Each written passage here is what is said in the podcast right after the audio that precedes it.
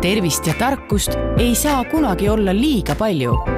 kuula Lääne-Tallinna Keskhaigla podcasti Tark arst taskus ja saa tükike mõlemast.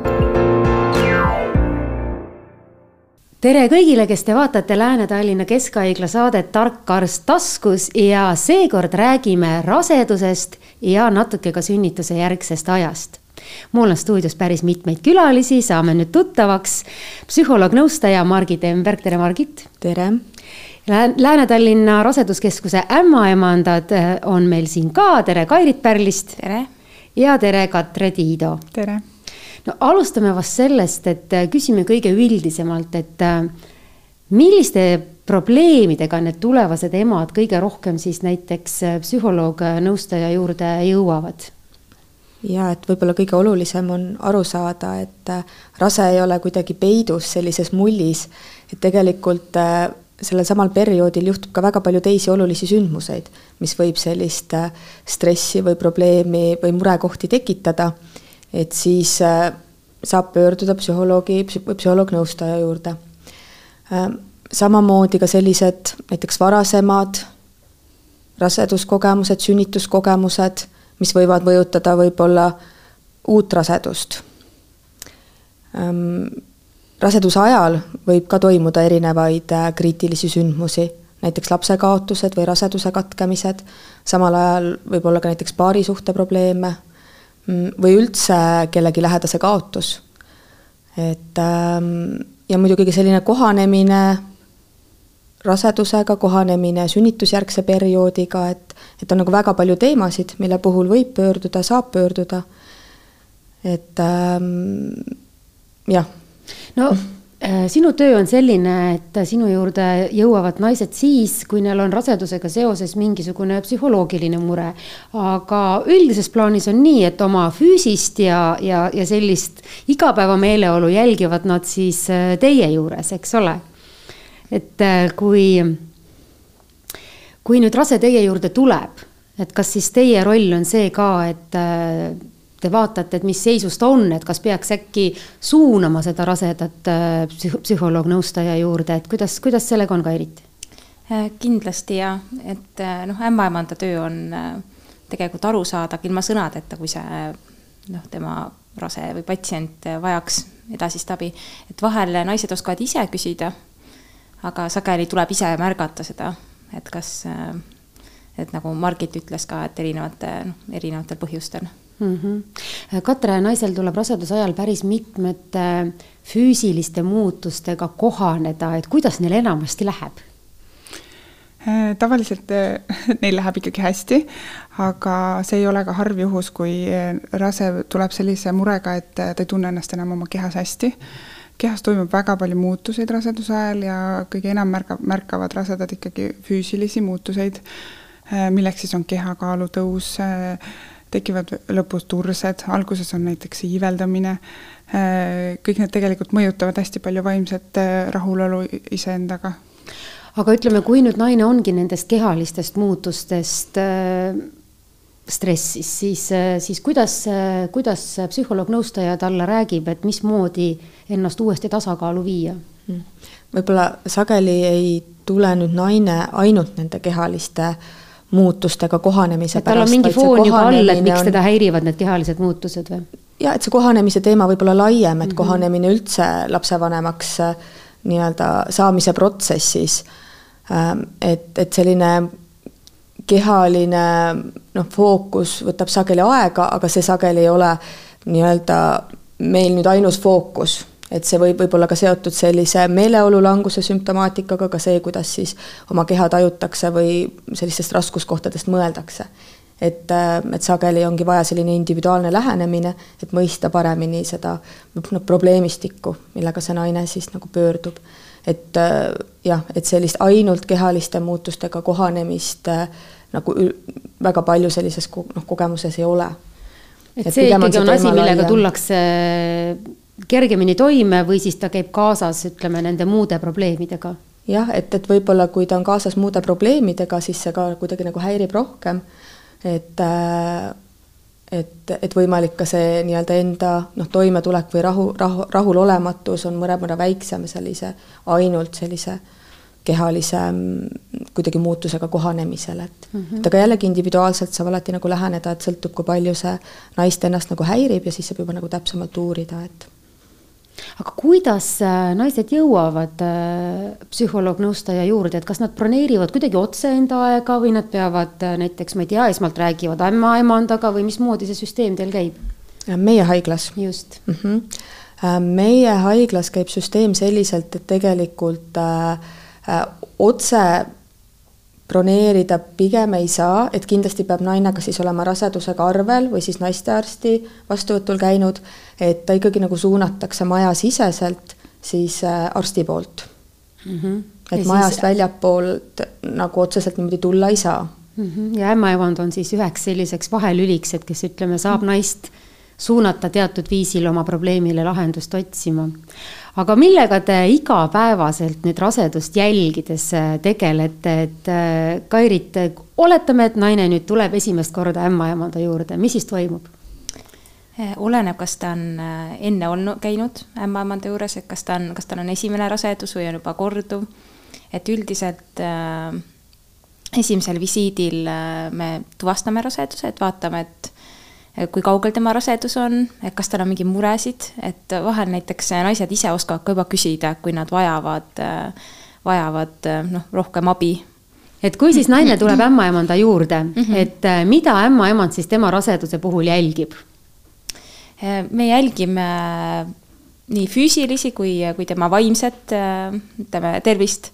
et kui ta tuleb meie juurde arvele, siis kõigepealt me tuvastame raseduse vaatame, mis on, kuidas on tema siis eelnevad, eelnev anamnees või kuidas, kas tal on eelnevad rasedusi olnud, kas see on ta esimene rasedus. et kuidas ta ennast sellel hetkel tunneb. noh, kõik sellised tervise, tervislikud asjad vaatame üle, et teeme vajalikud proovid, analüüsid, paneme ultraheli ajad, ise vaatame ultraheliga ja, ja siis vaatame, lepime kokku, kuidas me hakkame teda, kuidas hakkab see kõik edaspidi käima. et räägime ka sellest, millised need rasedusaegsed muutused on, et kas, mida ta siis võib oodata, et milliseid muutusi võib see raseduse ajal olla. sest üldiselt, kui nad meile arvele tulevad, et nad tulevad seal kuskil kuus, seitse, kaheksa nädalat, raseduse suurus. ja, ja näiteks iiveldus ja sellised noh, rasedussümptomid tekivadki kas umbes sellel ajal või natuke hiljem ehk nad siis tulevad suhteliselt kehva enesetundega? Nad tulevad ja kas mõni ei tunne veel mitte midagi, aga mõni, mõni tunnebki, et juba hakkab see iiveldus, et see iiveldus on ka seal kuskil seitsmes, kaheksas, üheksas nädal on selline nagu kõige intensiivsem no enamasti on rasedus selline suur rõõmuaeg, aga kui need emotsioonid kipuvad käima seinast seina, siis eh, kuidas ämmaemand jälgib, et kas need on nagu, ma ei saa just öelda päris normi piires, aga no ütleme, rasedale tavalisel moel iseloomulikud, et millised need nagu mured võivad olla seoses nende emotsioonidega, mis puudutab siis ütleme naise uut rolli ja võib-olla ka tema suhetega seoses, et millal te peate hakkama muretsema tema pärast mm. -hmm. hästi oluline on see, et kui rase tuleb arvele, äh, et ta saavutab ämmaemandaga hästi hea kontakti, et ta julgeks rääkida oma Äh, oma muredest, äh, enda tekkinud küsimustest, et küsimusi võib olla seinast seina, et rase peab julgema suhelda oma ämmaemandaga ja siis ka tõenäoliselt ilmnevad rohkem tema nii-öelda mured, kaebused, kõik sel-, ja, ja kui ämmaemand saab, kuuleb nendest muredest, siis ta oskab ka nagu reageerida nendele muredele, suunata teda, vajadusel ise nõustada Äh, ja ämmaemadel on kõik need äh, võimalused suunata meie majas äh, psühholoogi poole või teis-, erinevate spetsialistide poole. ja neid probleeme võib olla kodust, eelnevast elust, eelnevatest rasedustest, perekonnasuhetest, millest iganes ja kui, kui rase ikkagi usaldab oma ämmaemandat, siis ta tegelikult kõigil nendel teemadel ikkagi räägib. jah. millised need varasemate rasedustega kaasa tulnud probleemid enamasti on, et mis need kõige tüüpilisemad mured on? ongi näiteks eelnevad, eelnev kuidagi kas negatiivne või ebameeldiv kogemus seoses raseduse või sünnitusega või sünnitusjärgse ajaga. Et sageli need hirmud tulevadki. et äkki sealt, läheb jälle samamoodi. äkki läheb või on kuskil isegi noh, tegelikult teiste inimeste kogemused ka mõjutavad. et kui on kuuldud, ma ei tea, mu sõbrannal juhtus midagi sellist, et siis tegelikult see ka väga mõjutab inimesi et siis äh, sellised kohad nagu foorumid ja kõikvõimalikud vestlusgrupid, et mm -hmm. nad mhm. võivad ühest küljest olla nagu naise jaoks sellised inspireerivad ja toetavad, aga teisest küljest nad võivad ka kasvatada neid hirme. võib-olla kuskilt mhm. on need hirmud juba sisse istutatud ja siis nad seal kasvavad veelgi, sest millegipärast ju inimesed see millegipärast nii on, eks mm -hmm. ole, et nad kipuvad rohkem jagama neid äh, negatiivsemaid lugusid ja, ja üpris äh, dramaatilises vormis ja, ja mustades värvides. et kui siis äh, naine on oma hirmudele juba toitu äh, juurde saanud, et äh, mis siis saab? siis tulebki nendega tegeleda mm -hmm. tegelikult et äh, noh, seda oskab Margit rääkida. aga Margit tõesti, et kui need, mõnikord ei ole ju need hirmud ka realistlikud et kuidas nagu vahet teha, et mis on see päris hirm, mis ongi mingisugusest äh, olukorrast nagu lähtuv ja milline on selline hirm, mis võib-olla on nagu meie peas lihtsalt kasvanud mm. -hmm. et kui me räägime nagu muremõtetest või, või hirmumõtetest, eks siis äh, noh, aeg-ajalt ka sellise normaalse raseduse osa on ka selline määramatuse tunne, teadmatuse tunne ja see toob noh, erinevaid hirmumõtteid, aga just see, et kui, mil määral inimene või siis noh, naine on siis haaratud nendest hirmumõtetest, et kui palju see mõjutab tema igapäevaelu, et kui, kui kõrgeks tõuseb tema ärevuse tase, et kui palju see mõjutab tema igapäevast toimetulekut. et kui selline nagu overwhelming või selline, kuidas ma seda sõnastan siis, noh, kõike haarav see hirmutunne on, et see on nagu ka selline nagu subjektiivne taju et siis nii-öelda saab pöörduda ja hakata nende hirmudega nagu tegelema. Ähm, see nüüd sõltub nagu hirm nagu mille ees, kas nagu sünnituse ees või nagu noh, erinevate muude teemade ees, mis on. aga mille ees need seotud? erinevad hirmud äh, enamasti kipuvad olema, et noh mm, -hmm. naine on ju põhimõtteliselt enda jaoks, kui on esimene rasedus, eriti päris uues rollis, et neid kahtlusi ja, ja ebamäärasust võib olla väga erinevate valdkondadega seoses jaa, no ikka loodetakse, et, et kõik läheb hästi, et ei juhtuks rasedusega midagi ähm,. aeg-ajalt noh, mõeldakse võimalike raseduskomplikatsioonide osas ähm,. rasedatel võib ka olla terviseprobleeme, mille osas nad nii-öelda on nii noh, kartlikud või püüavad siis koos ämmaemandaga aru saada, et, et, et, et kuidas on siis hea nagu käituda või olla. Äh, sünnituse osas, et noh, sageli minuni äh, Äh, no üldiselt sünnitushirmuga esmalt tegeleb ämmaemand tegelikult, et selgitab ju noh, nii-öelda sünnituse protsessi kulgu ja, ja võib-olla nii-öelda natukene tasakaalustab neid mõtteid. et sageli minu juurde jõuavad just siis, kui on olnud tegelikult selline võib-olla varasem negatiivne sünnituskogemus, et siis me vaatame selle sisse ja siis äh, noh, saame vaadata, kuidas sellega nagu edasi tegeleda. et seal võib olla väga erinevaid selliseid nagu põhjuseid või raskuskohti, et et ähm, et mida see hirm nagu täpsemalt nagu sisaldab, et, et, et need inimeste hirmud on nagu hästi erinevad.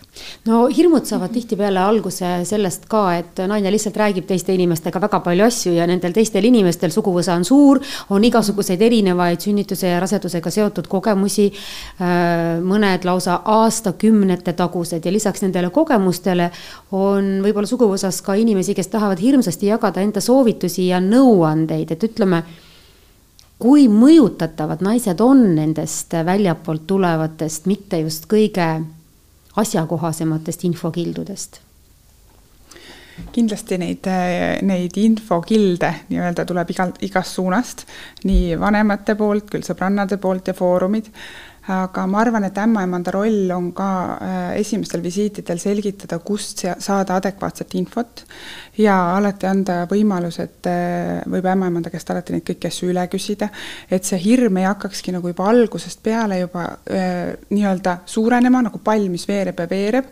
mida rohkem inimesel tekib neid muremõtteid, siis ja kui ta ei saa veel neid kuidagi kellegagi arutada või, või saada sellist adekvaatset, adekvaatseid vastused nendele küsimustele, mis tal, tema peas tekivad, äh, siis sellest tekibki selline hirm, nii-öelda paanika, äh, siis tekib väga suur sünnitushirm ja, ja üldse selline rahulolematus kõige selle rasedusega kohanemise suhtes ja et äh, ikkagi hästi oluline on see ämmaemandaga usaldusväärne suhe ja, ja ma arvan, et kui ega need need soovitused, mis nii-öelda igalt poolt mujalt jõuavad rasedani, need ei ole kindlasti mitte pahatahtlikud, et kõik, kes seda info, infot kõik lihtsalt proovivad selle paha eest hoiatada, aga ja, sellega nad kasvatavad hirmu, eks ole. just, et see hirm nagu järjest kerkib, kuigi see ei ole üldse pahatahtlik, aga see, kuna see hormonaalne tase on ikkagi eh, nihkes, et siis rase võtab kindlasti äh, Eh, seda infot, mis tuleb natukene, natukene tundlikult, tundlik, tundlikumalt isegi, kui, kui nagu tavainimene seda teeks, ta hakkab enda peas kindlasti mõtlema, et mis see võib olla ja kuidas,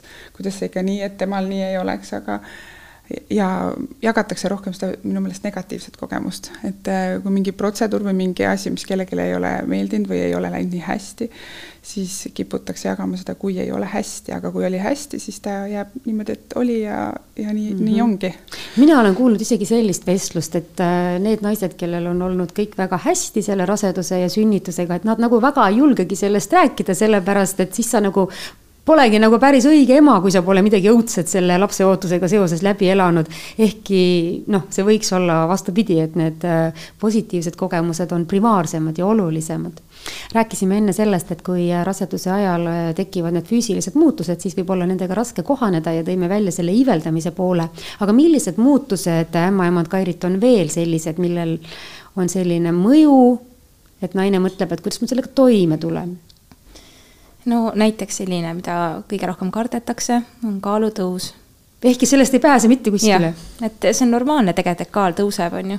või üldine kehakuju muutus, et noh, nagu me teame, siis äh, raseduse ajal keha talletab rasva, et pärast imetamise ajal oleks energiat, et kaitsta nagu naise keha ja üldse, et oleks piisavalt hormoone et, et seda rasedust meil säilitada.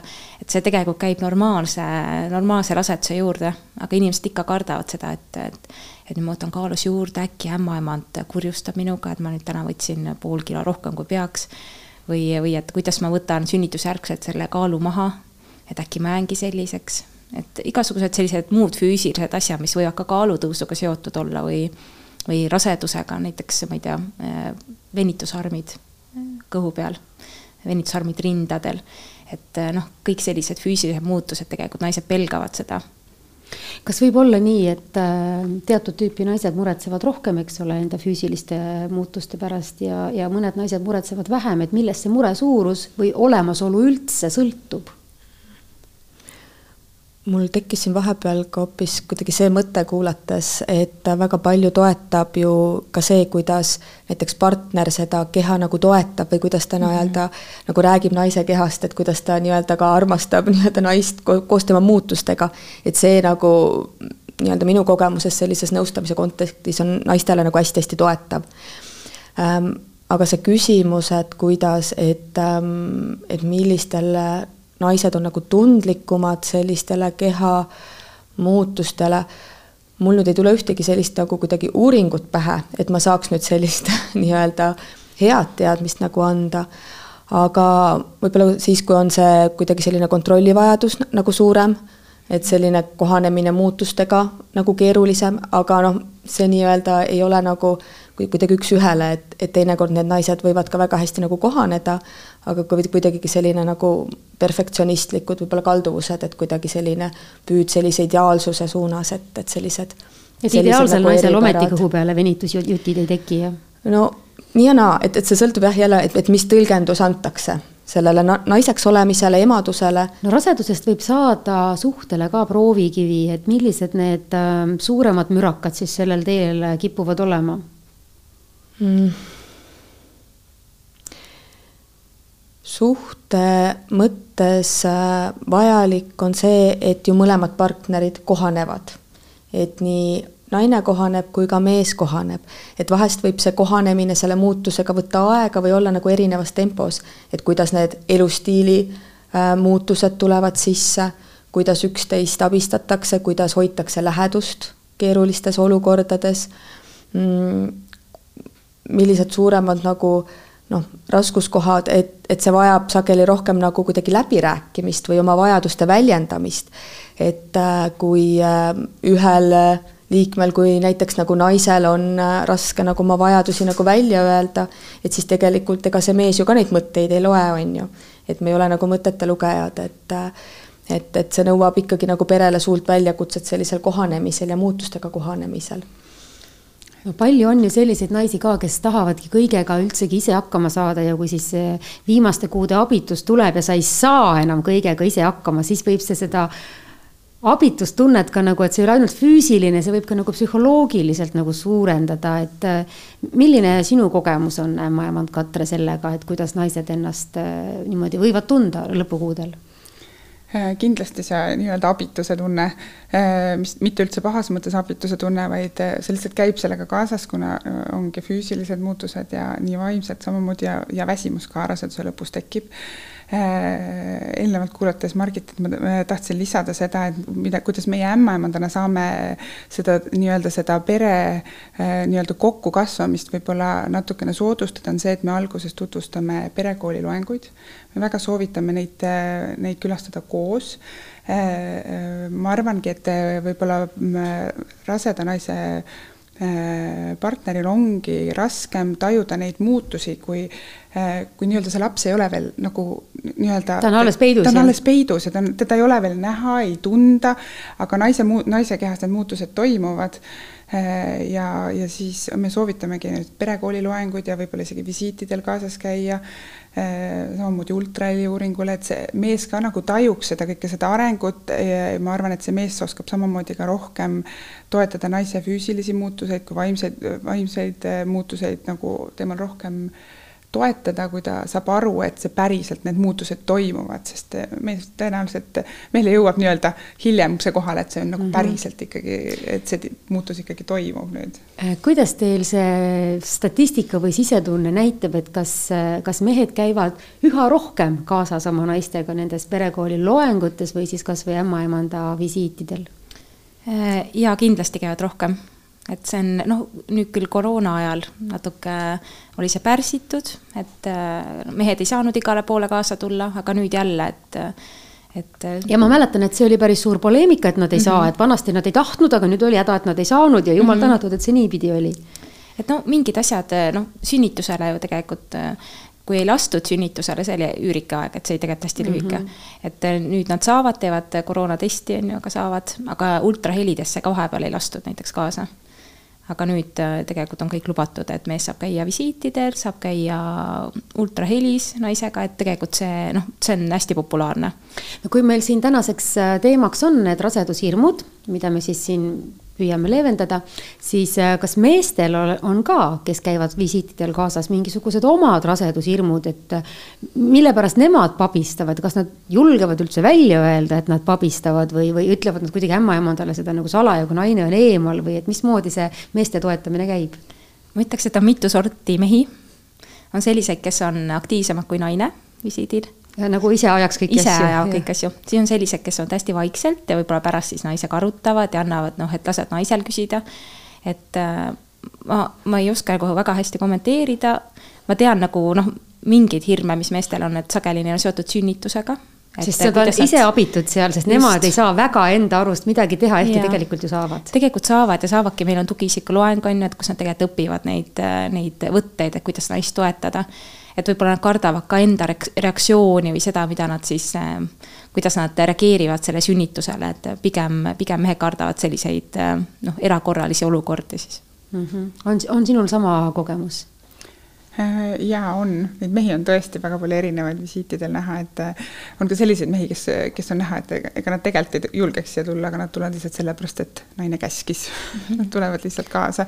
aga, aga neid on ikkagi vähe, aga aga see on ikkagi positiivne, sest mees on kaasas ja ta ikkagi, sest äh, perre sünnib ikkagi ka, äh, kahe vanema poolt laps, et äh, ta ikkagi lähendab natukene rohkem mm. -hmm. millistel naistel on kõige raskem nagu sünnituseks valmis olla, et need jõuavad ilmselt ka psühholoog-nõustaja juurde, kellel on mingisugused, ütleme probleemid sellega, et kas ma olen sünnituseks valmis või et kas ma saan sellega hakkama või et kas minu äh, pere tugi on selline, et ma vaimselt oleksin sellest val-, selleks valmis või et millised need äh, võib-olla sellised sünnituse eelsed suurimad mured on, millega jõutakse nõustaja juurde mm.?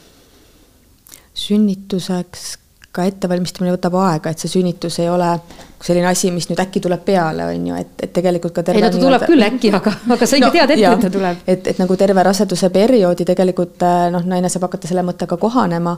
tegelikult ka noh, ka meie bioloogia, et ka nii-öelda muutused ajus toetavad äh, nii raseduse aegsel perioodil kui ka sünnitusjärgsel perioodil kohanemist ja ka tegelikult mõnevõrra toetavad valmisolekut tegelikult sinna sünnituse, sünnitusse minna või, või nii-öelda ja nii-öelda toetavad selle, aitavad sünnitusprotsessile kaasa.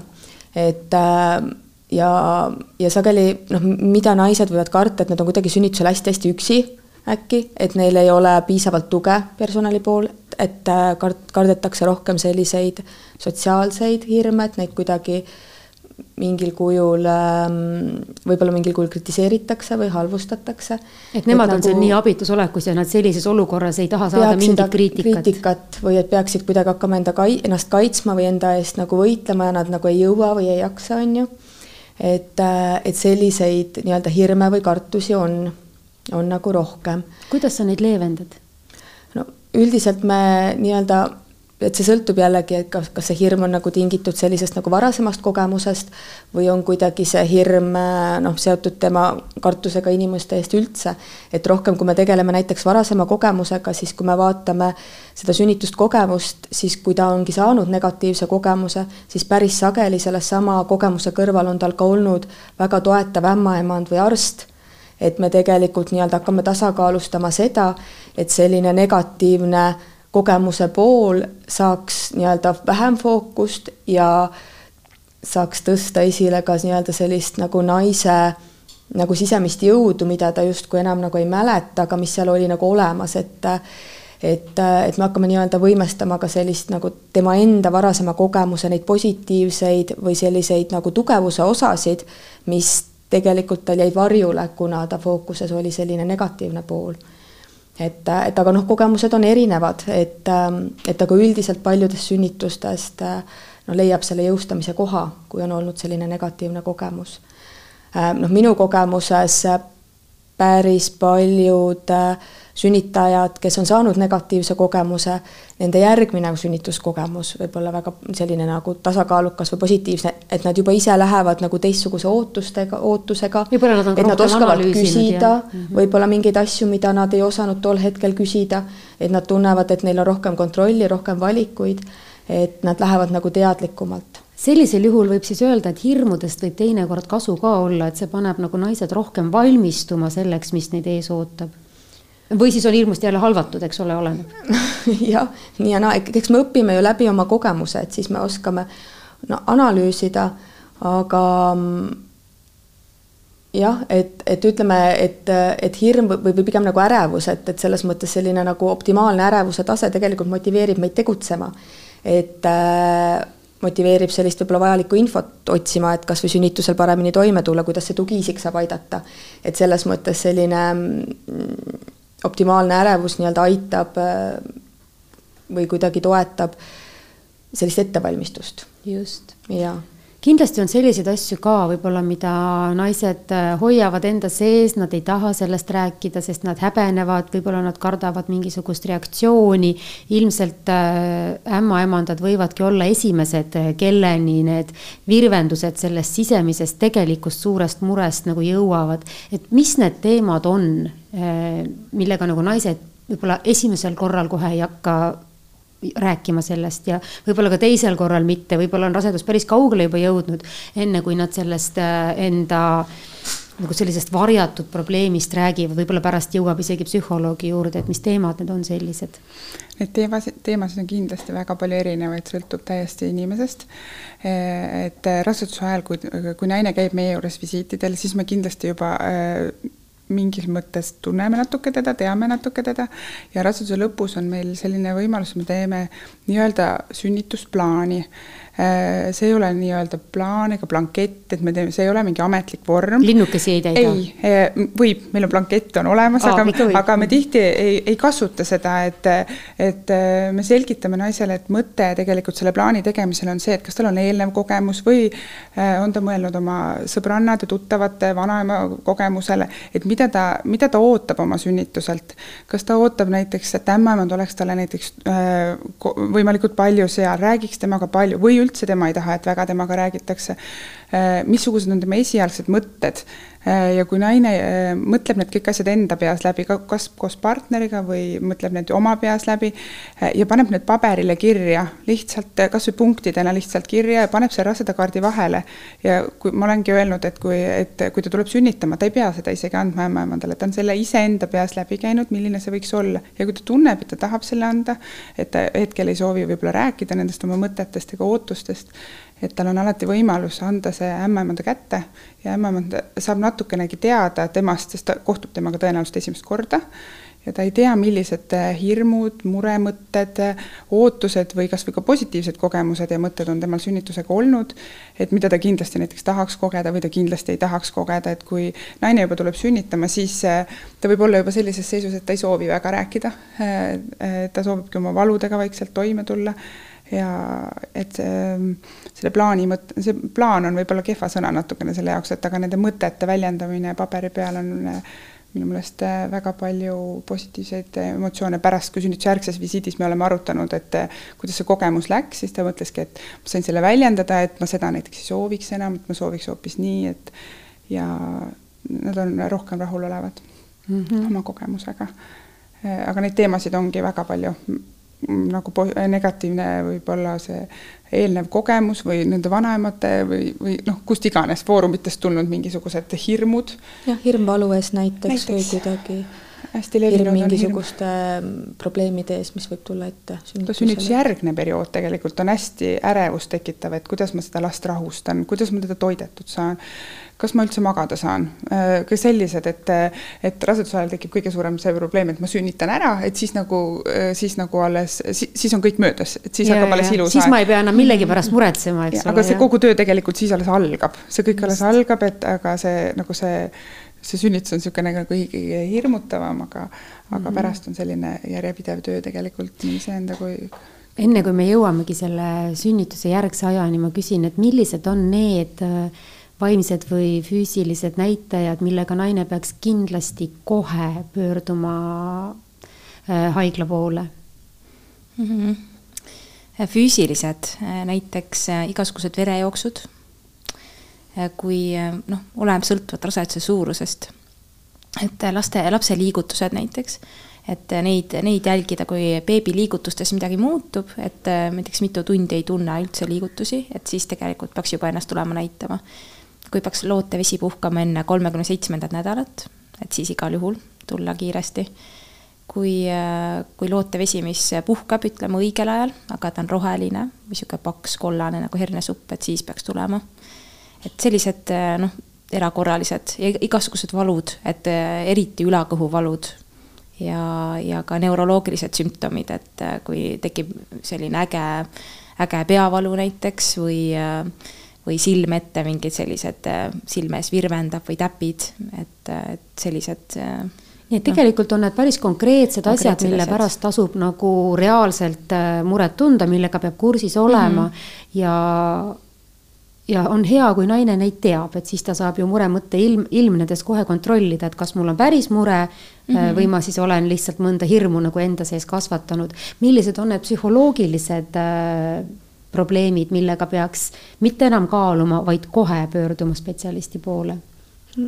kui ütleme, see alati psühholoogilises mõttes on inimese enda nagu häiritus, näiteks oma ärevusest või muremõtetest, et kui, kui palju ta ise on häiritud nendest, kui inimene või noh, naine siis tajub meeleolu langust või kuidagi sellist energia huvipuudust, et siis kindlasti tasuks noh, konsulteerida kõigepealt oma ema, emandaga, kes siis näiteks saab suunata psühholoogile. kui tegelikult on sellised äh, võib-olla enesetapumõtted või enesevigastamise või, või ka lapse vigastamise mõtted, et siis tasuks pöörduda noh, psühhiaatri erakorralisse vastuvõttu. et, äh, et, et sellistel äärmuslikel juhtudel. Ehm, ja, või jah, näiteks, et, et üldiselt äh, või, või, või kui see ärevus on ikkagi nagu väga-väga tugev ja inimene on ise sellest väga nagu häiritud, et siis võib ka alati konsulteerida tegelikult võimalusel psühhiaatriga. lihtsalt eks nende aegade saamine on nagu keeruline, aga igal juhul, kui aga nagu erakorralise aja saab ikka? erakorralisse vastuvõttu saab tegelikult minna äh, et kui on vaja konsulteerida, et minu meelest seal on vaimse tervise õde, on esimene, kes vastu võtab ja siis vajadusel juba erakorraline psühhiaater see siis käib juba raseduskriisi valdkonda? Äh, see pigem äh, noh, käib nii-öelda psühhiaatria kliiniku mõttes mm, -hmm. raseduskriisi nõustamine on veel eraldi, eraldi teema, et saab sellist esmast äh, kriisinõustamist noh, ka erinevate selliste murede, võib-olla hirmude, probleemolukordade korral et aga noh, psühholoogi juurde noh, samamoodi, et see esmane kontakt on ikkagi oma ämmaemand või, või noh, perearst sõltuvalt siis piirkonnast, et, et tegelikult noh, Lääne-Tallinna Keskhaiglas meil on üks süsteem, aga rasedaid on meil üle Eesti. et, et selles mõttes, et erinevates kohtades võivad olla erinevad süsteemid, et seega oma perearsti juurde, ämmaemanda juurde pöördumine, oma mure jagamine ja siis juba see arst saab anda edasise soovituse spetsialisti osas, kelle juurde nagu pöörduda mm. -hmm. kui me räägime nüüd juba sellest sünnituse järgsest perioodist, siis äh, millised need teie tähelepanekud on, et kas muretsevast rasedast kipub saama ka muretsev ema või siis äh, hormooni tasakaal muutub ja, ja inimene on hoopis rohkem paigas? mul on hästi erinevaid kogemusi, et on nii, nii ja naa. Et on nii neid, kes on terve raseduse muretsenud ja, ja pärast ka muretsevad edasi, aga on neid, kes tõesti nagu on noh, mis, mis põhjusel ta rasedusel muretsenud on, et näiteks ongi, kui on olnud raske rasestumine, et ja siis laps sünnib ära, kõik on hästi, laps on terve ja tegelikult ta on noh, ülirahulik ema. et siis on see tema suurim mure on ja, jäetud selja taha. oligi ja. täpselt see rasedus, et kuidas see rasedus kulgeb, on ju. et, et noh, eks see on noh. Aga üldise ärevusega inimestel vast kipub see mure siis juba nagu kestma jääma. psühholoog. ütleme niimoodi, et äh, et äh, raseduse ajal on äh, sageli kõrgem just sellise rasedusega seotud nagu muretsemine. Et äh, nii-öelda noh, ütleme statistilises mõttes, kui uuringuid nagu lugeda, siis tegelikult äh, uuringutes on nagu mõõdetud väga erinevalt, et kas ongi mõõdetud nagu üldist ärevuse taset või rasedusspetsiifilist stressi. et raseduse ajal on pigem selline rasedus, rasedusspetsiifiline selline ärevustase kõrgem kui selline üldine ärevustase, sest neil on nagu konkreetne põhjus ka, mille üle nagu, nagu muretseda. Aga samamoodi uuringud näitavad longituudis või noh, pikaajaliste uuringute mõttes, et et selline rasedusaegne ärevus ärevus raseduse ajal on keskmiselt kõrgem kui näiteks ärevus sünnitusjärgsel perioodil, aga jällegi nagu siin eespool, eespool sai öeldud, et et inimestel on väga-väga erinevad kogemused, et siin ei saa olla nagu ühist joont, et kes on nii-öelda raseduse ajal muretsenud, et see ka sünnitusjärgsel perioodil muretseb. Ja ka väga sageli võib muretsemine alata hoopis sünnitusjärgsel perioodil. Et tegelikult rasedus ongi olnud võib-olla väga rahulik, on ju, et, et siin ei ole sellist ühist äh, ja, joont, on ju. millised need sünnitusjärgse muretsemise või siis lausa sünnitusjärgse depressiooni esimesed märgid on, et, et kuidas teie, mille järgi te neid ära tunnete? Äh, ma, kindlasti on ka erinevad, kuidas inimene hakkab seda tajuma.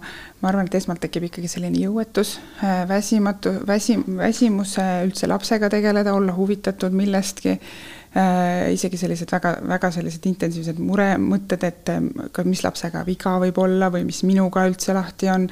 Äh, ja noh, ja hästi, ma arvan, hästi oluline on seal see, et äh, oleks see tugivõrgustik seal ka, kes on nagu toetamas, et kui neid ei ole, siis võib-olla naisel tekib selline sisemine niisugune ärevus rohkem, et ma olen nüüd üksi, et äkki mul ongi midagi viga ja äkki lapsel on ka üldse midagi viga, et et mida rohkem seda tuge ikkagi on ka pere poolt äh,, Äh, üldse selline tugivõrgus, kas või sõbranna, kes iganes on, on naisele oluline, et äh, ma arvan, et nemad äh, suudavad natukene seda ärevust ikkagi maha võtta ka selle sünnitusjärgsel perioodil, aga aga sellist sünnitusjärgset nii-öelda depressiooni ja sellist rahulolematust võib, tuleb päris tihti ette ka, et aga, aga naine peab teadma, et, et kuhu ta pöördub, millal ta pöördub mm -hmm. ja et sellest saab kindlasti üle, et see tihtilugu rääkimine, tugivõrgustiku võib-olla elavdamine natukene, see kõik aitab selles ja, ja no kui ei aitagi, siis äh,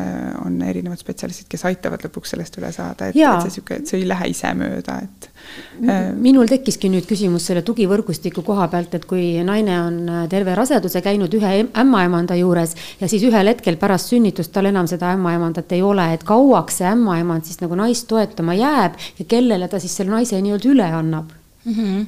kahjuks meie Eesti süsteem on selline, nagu ta on praegu et üldiselt on niimoodi, et see ämmaemand, kes tegeleb äh, raseduse ajal naisega, et tema juurde see naine tuleb tagasi siis, kui tal on seal kuus kuni kaheksa nädalat möödas sünnitusest. et vahepeal sünnituse ajal on tal üks teine ämmaemand ja oma ämmaemand ta saab hiljem tagasi jälle? Äh, no ta saab ta korraks tagasi, et. ja siis, ja mis edasi saab siis? no siis ongi siis ongi. on perearsti, perearsti, perearst, aga noh, meil näiteks nüüd haiglas on äh, sellise, jah selline uudne asi või nagu uued visiidid, mille me äh, nüüd see aasta käivitasime, et, äh, et kui naine läheb sünnitusmajas koju, siis äh, samal päeval, kui ta koju lastakse, pannakse talle siis telefonivisiit, niimoodi, et meie ämmaemand helistab talle sinna koju ja siis noh. ja küsib, kuidas tal läheb. kuidas tal läheb nagu päriselt, et kuidas tal on see paar päeva seal kodus läinud.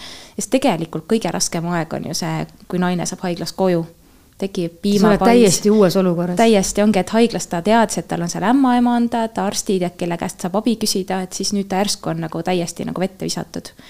et tegelikult. ja sa oled üksi selle lapsega, kes on sul täitsa uus. ongi ja kõik, kõik olukorrad on uued ja võib-olla ongi see hormoonide langusest tingitud selline kurvameelsus et noh, võib-olla sa ei tunne seda sidet kohe lapsega, on ju, et, et tegelikult see on, see on nii raske aeg et kui siis äh, naisel ongi olnud enne äh, sünnitust juba siis selline meeleolu langus ja kui tal on äh, see sünnitusjärgne depressioon, et, et mismoodi selle olukorraga võiks toime tulla?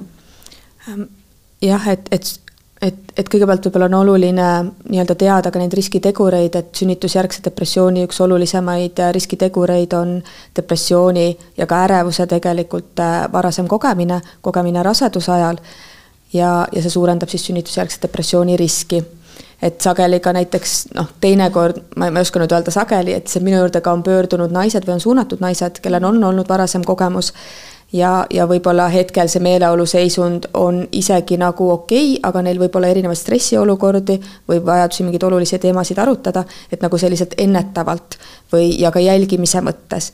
et, et noh, ei, ei tek-, nii-öelda, et äh, märgata võimalikult varakult võimaliku depressiooni sümptomaatika märke ja nendega esimesel võimalusel nagu siis tegeleda.